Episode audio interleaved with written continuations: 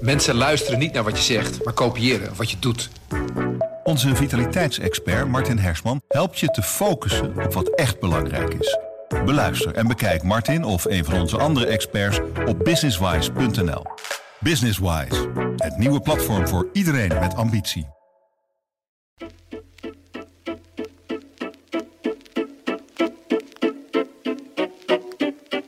Hallo, dit is Haags Half Uurtje, de politieke podcast van Trouw. Mijn naam is Christophe Schmid.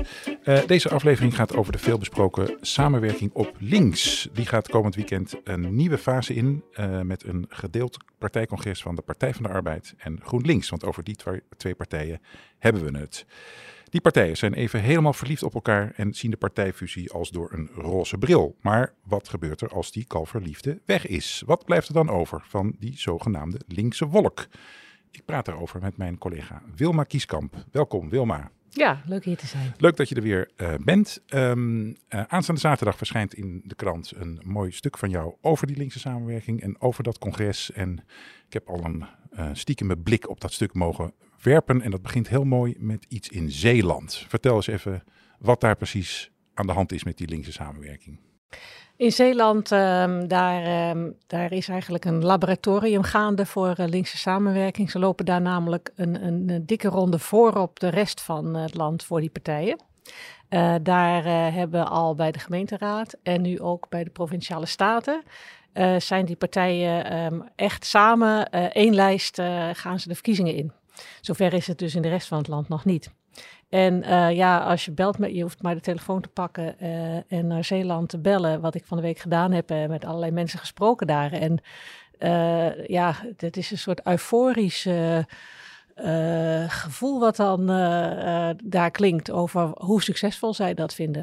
Want ze hebben daar al ervaring op, op gemeentelijk niveau. Ja, wat daar is gebeurd is, uh, en daar kijkt het uh, partijbestuur van uh, GroenLinks en van de PvdA landelijk ook met heel grote interesse naar, is dat um, daar een effect te zien is, wat in die partijen nu genoemd wordt. 1 en 1 is niet 2, maar 1 en 1 is 3. Um, uh, die partijen zijn, uh, hebben in de verkiezingen bij de gemeenteraad hebben ze een enorme klap weten te slaan. En kiezers uh, reageren daar vrij unaniem schijnt met het argument van wat fijn dat twee partijen gaan samenwerken in plaats van versplinteren. En wat fijn dat in tijden van polarisatie um, er juist weer zo'n tegenbeweging komt. En dat wordt beloond met uitslagen die gunstiger zijn dan wanneer ze ieder voor zich uh, de verkiezingen ingingen. En op dat effect hoopt natuurlijk die partij landelijk ook. Oké, dus het, het, idee is dat ze samen meer stemmen krijgen dan uh, alle twee apart opgeteld, uiteraard. Alleen al die samenwerking wil dus kiezers trekken, begrijp ik. Ja, dat is ook uh, de inzet bij um, de campagne die dus dit weekend afstart met een groot, uh, uh, groot evenement in Den Bosch. Um, waar die partijen ja, met heel hooggespannen verwachtingen die verkiezingen ingaan voor de provincies en de Eerste Kamer. En het grote project is om in de Eerste Kamer de grootste partij te worden, groter dan de VVD. Ehm, de peilingen geven aan dat dat ook wel mogelijk is. Je moet natuurlijk peilingen altijd met dikke korrels zout nemen, maar daar staan ze nu op dit moment uh, hoger dan de VVD. Dus het zou kunnen. Um, en ja, iedereen ziet ook natuurlijk wel van als dat uh, zou gebeuren, dan uh, is dat een soort generale repetitie voor volgende Tweede Kamerverkiezingen. Want dan zul je waarschijnlijk ook zoiets gaan zien, um, maar dan op landelijk niveau voor de Tweede Kamer. Oké, hey, en jij weet al een beetje hoe dat congres uh, gaat verlopen uh, komende zaterdag qua choreografie en hoe dat fysiek uit, eruit ziet. Kan je dat eventjes schetsen voor ons? Wat, wat, wat gaan wij zien zaterdag? Ja, normaal gesproken is natuurlijk de opzet van zo'n vergaderschema niet zo interessant. Dat is dan voor de echte partijtijgers leuk. Maar in dit geval zegt het ook wel iets over waar die partijen mee bezig zijn in die ja, in die fase van, eh, ja, het is een soort linkse verliefdheid is daar nu gaande. En ook een soort uittesten van hoe de relatie uh, voelt. Um, je ziet dat ze dus op allerlei niveaus uh, de, de, de schroefjes in die partij aan elkaar aan het draaien zijn. Elk programma-onderdeel is met GroenLinks en uh, PvdA doorgedacht. Het belangrijkste ding wordt uh, iets symbolisch. Dat uh, de bezoekers, en dat wordt, er wordt echt een mega opkomst verwacht, die gaan door hun eigen deur naar binnen, s ochtends. Maar smiddags gaan ze door een gezamenlijke deur naar buiten. Nou, Christophe. Dat zijn mooie ik plaatjes. Denk, ik denk dat Kuiken en Klaver dan echt zo een beetje zo in hun ogen staan te pinken, denk je niet? Er gaan wat traantjes uh, geplenkt worden, uh, uh, wellicht. Is de bedoeling? Is, dat, is het, denk jij dat het heel erg doorgedacht is, te ver doorgedacht is? Of gaat, gaan we wel iets van spontaniteit zien? Nee, ik denk niet dat het te ver doorgedacht of kapot geregisseerd is. Wat je vooral ziet is en hoort als je die, met mensen spreekt in die partij, is dat ze dus heel, um, ja, heel voorzichtig te werk gaan. Dat ze de leden niet willen overvallen met stappen. Ehm, dat ze in kleine stapjes naar steeds weer een klein stapje willen doen en kijken hoe dat, hoe dat voelt om samen te gaan. En um, er is wel een soort uh, regie gaande vanuit wat, ze, wat die partijbesturen uh, zelf de cockpit noemen. Om, om dat proces strak te bewaken, maar dan ja, omdat ze ook gewoon ontzettend bang zijn natuurlijk dat een ongeluk in een klein hoekje kan zitten. En, en dan heb je gewoon dat hele proces nu al kapot gemaakt. Dus uh, ja, er wordt op alle details wordt gelet wat dat betreft. Oké. Okay. Een mooi detail vond ik ook bijvoorbeeld um, de lunches. De lunches. Um, dat is uh, ook in Zeeland hebben ze daar ook de trend gezet. Um, als die partij samengaat, dan wordt de lunch dus vegetarisch. Okay. Maar zegt men dan. Daar hebben we dus met elkaar over gepraat. En dat vinden sommige ja, wat meer traditionelere P van de A's misschien wel een concessie naar GroenLinks. Maar die concessie, die doen ze heel graag, want het hoort bij het fusieproces, zeggen mensen dan. Je moet dan ook hè, dingen van elkaar kunnen waarderen.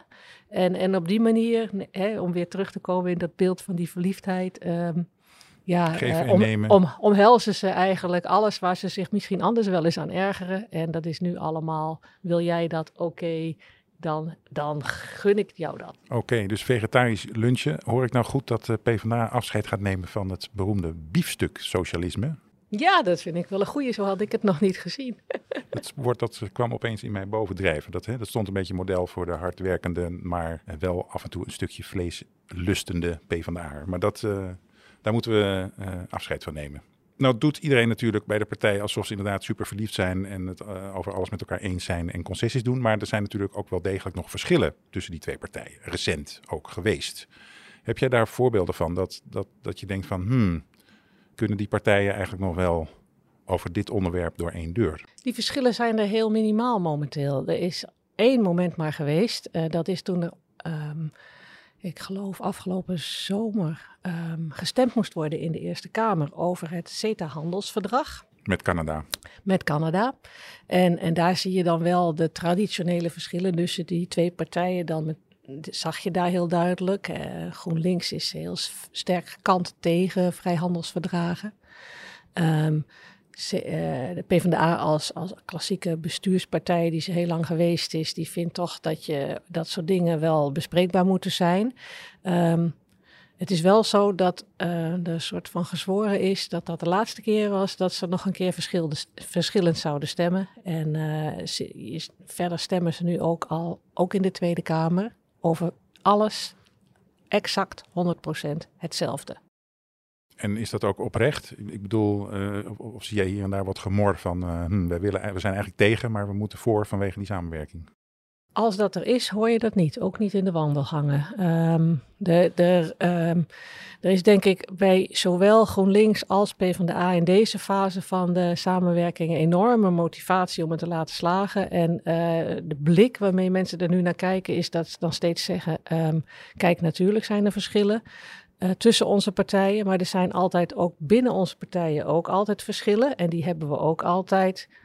Uh, ja, moeten we daar iets mee? En nu hoef, ja, dat is eigenlijk hetzelfde mechanisme, zeggen ze dan heel opgewekt. Um, dus um, ja, daar kunnen we prima mee omgaan. Op dit moment vindt iedereen verschillen iets uh, waar ze dan op een soort lekker, lekker mee bezig zijn, zonder elkaar te veel de maat te nemen. Oké, oké. Ehm, een andere vraag die zich opdringt is: ehm, waarom nu? Waarom is nu die motivatie tot samenwerking en uh, pakweg tien jaar geleden of nog langer geleden niet?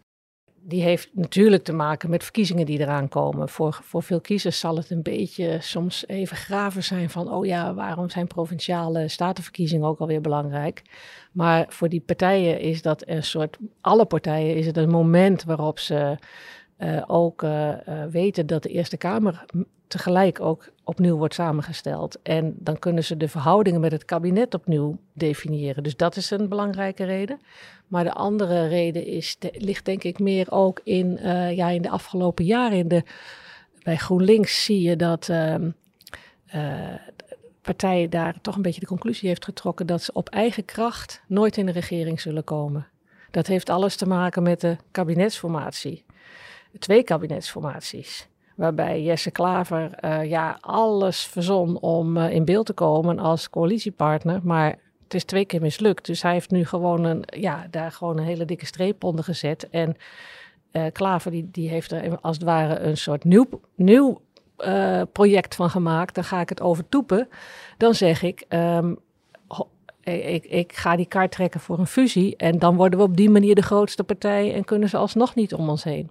En bij de PvdA, ja, daar vertel ik natuurlijk niemand iets nieuws. Dat die partij gewoon echt hele zware verkiezingsuitslagen heeft gehad. En ja, je hoort daar nog wel mensen ook wel brommen van. Uh, is dat nou echt verstandig dat we onze, ja, zo'n lange geschiedenis die wij als partij hebben nu helemaal op gaan geven, dat we gaan fuseren. En eigenlijk zeg je dan, wij kunnen het niet meer alleen.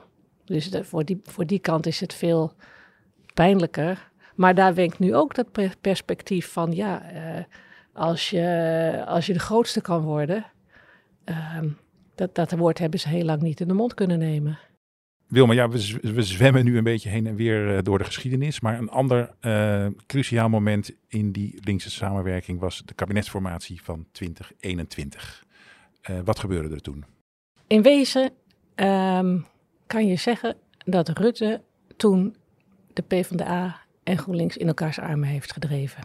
Dat was, dat was op zich misschien niet zijn bedoeling, maar dat was wel de facto wat er gebeurd is.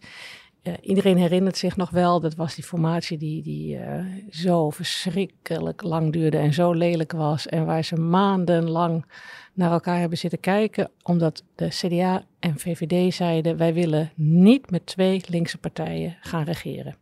En Rutte noemde dat dan uh, pesterig, uh, de linkse wolk. En daar kreeg hij echt nachtmerries van. Hij heeft dat overigens ook onlangs weer herhaald. En dat is wel interessant, want ook in de komende verkiezingen uh, gaat de VVD de, de, verkiezingen in door zich af te zetten tegen die linkse wolk. Maar wat er toen gebeurde bij die kabinetsformatie, was dat de VVD een soort plannetje had om. Ehm, de om die linkse partijen tot uh, een beetje te, te jennen. En die zeiden toen van, jullie kunnen alleen in het kabinet komen als jullie samen één fractie gaan vormen.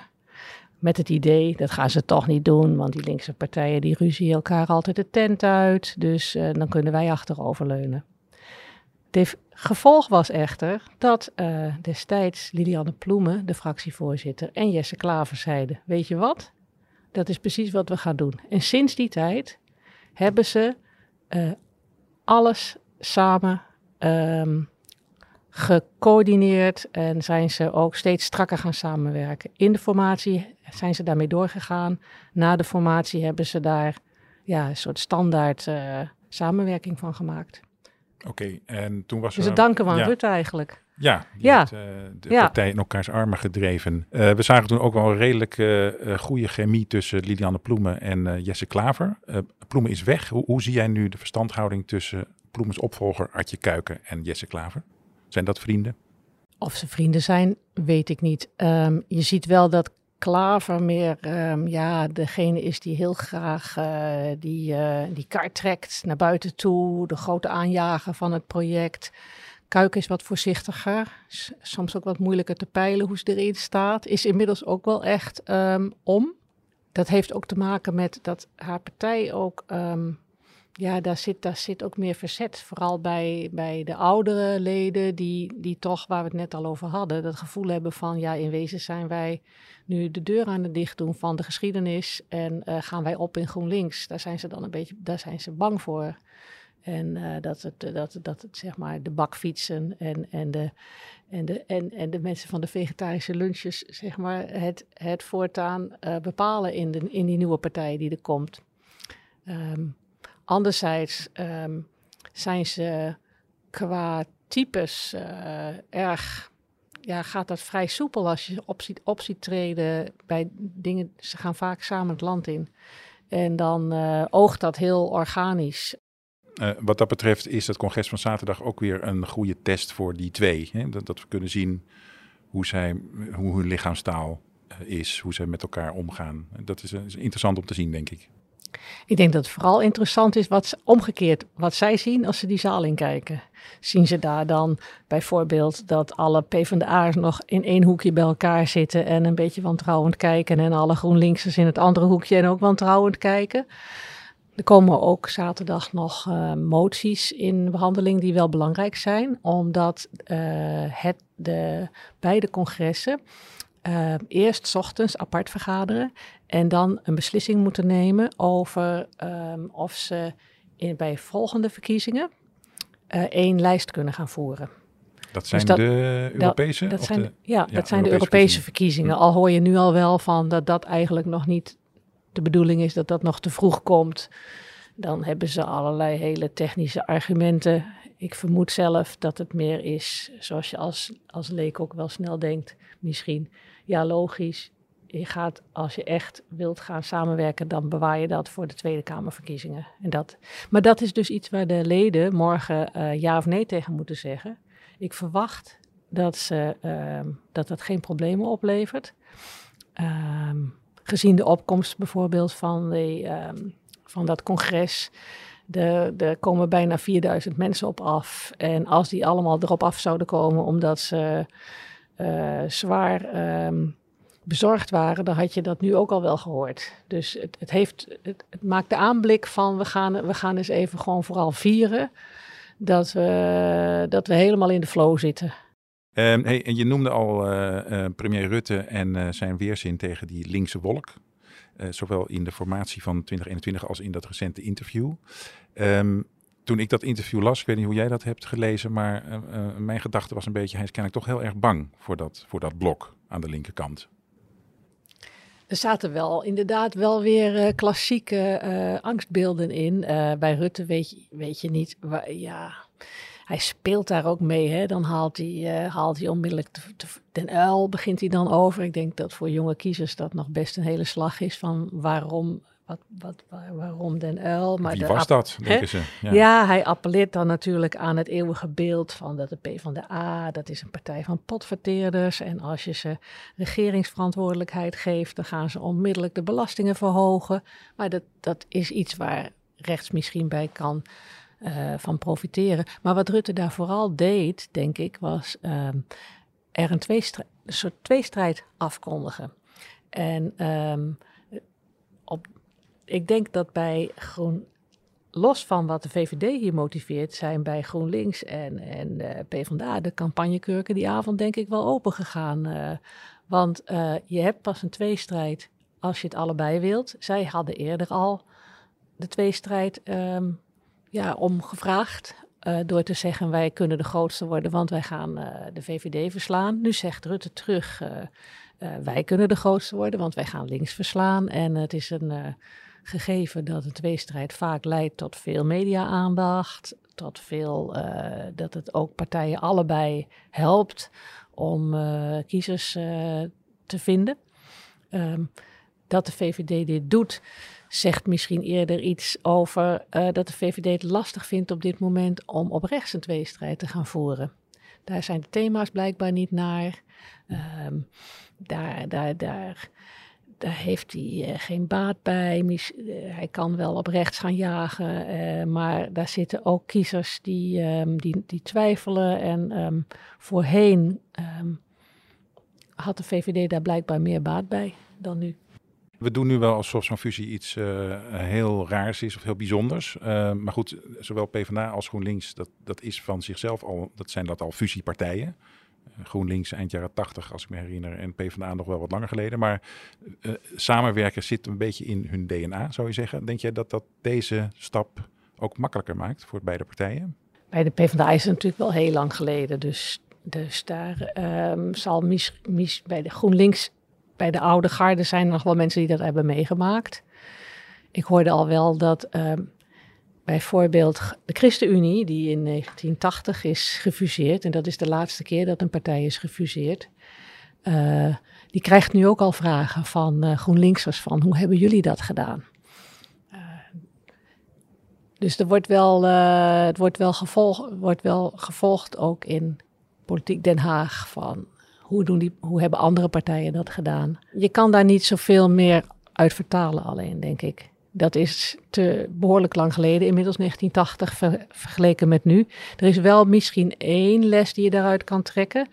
Um, het, alle partijen die gefuseerd zijn in het recente verleden, dat is een succes geworden. Dus GroenLinks is gefuseerd, heeft heel veel voet in aarde gehad. Waar waren drie partijen die samen gingen: een communistische, een pacifistische en dan had je nog een wat vrijzinnige partij links.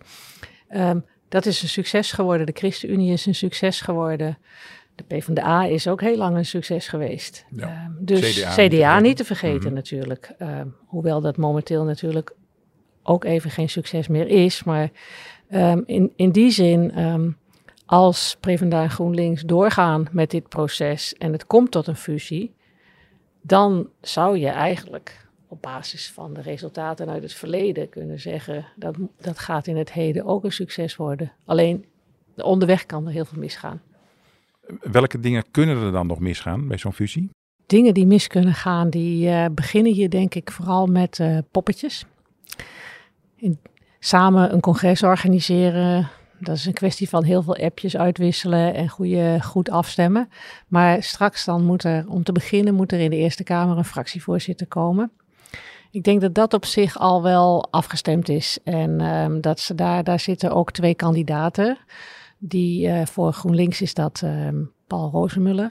En voor de PvdA is dat Meili Vos. En uh, die, die kunnen nu al lezen en schrijven met elkaar, want ze hebben al vier jaar samengewerkt en die maken de indruk dat ze het elkaar gunnen.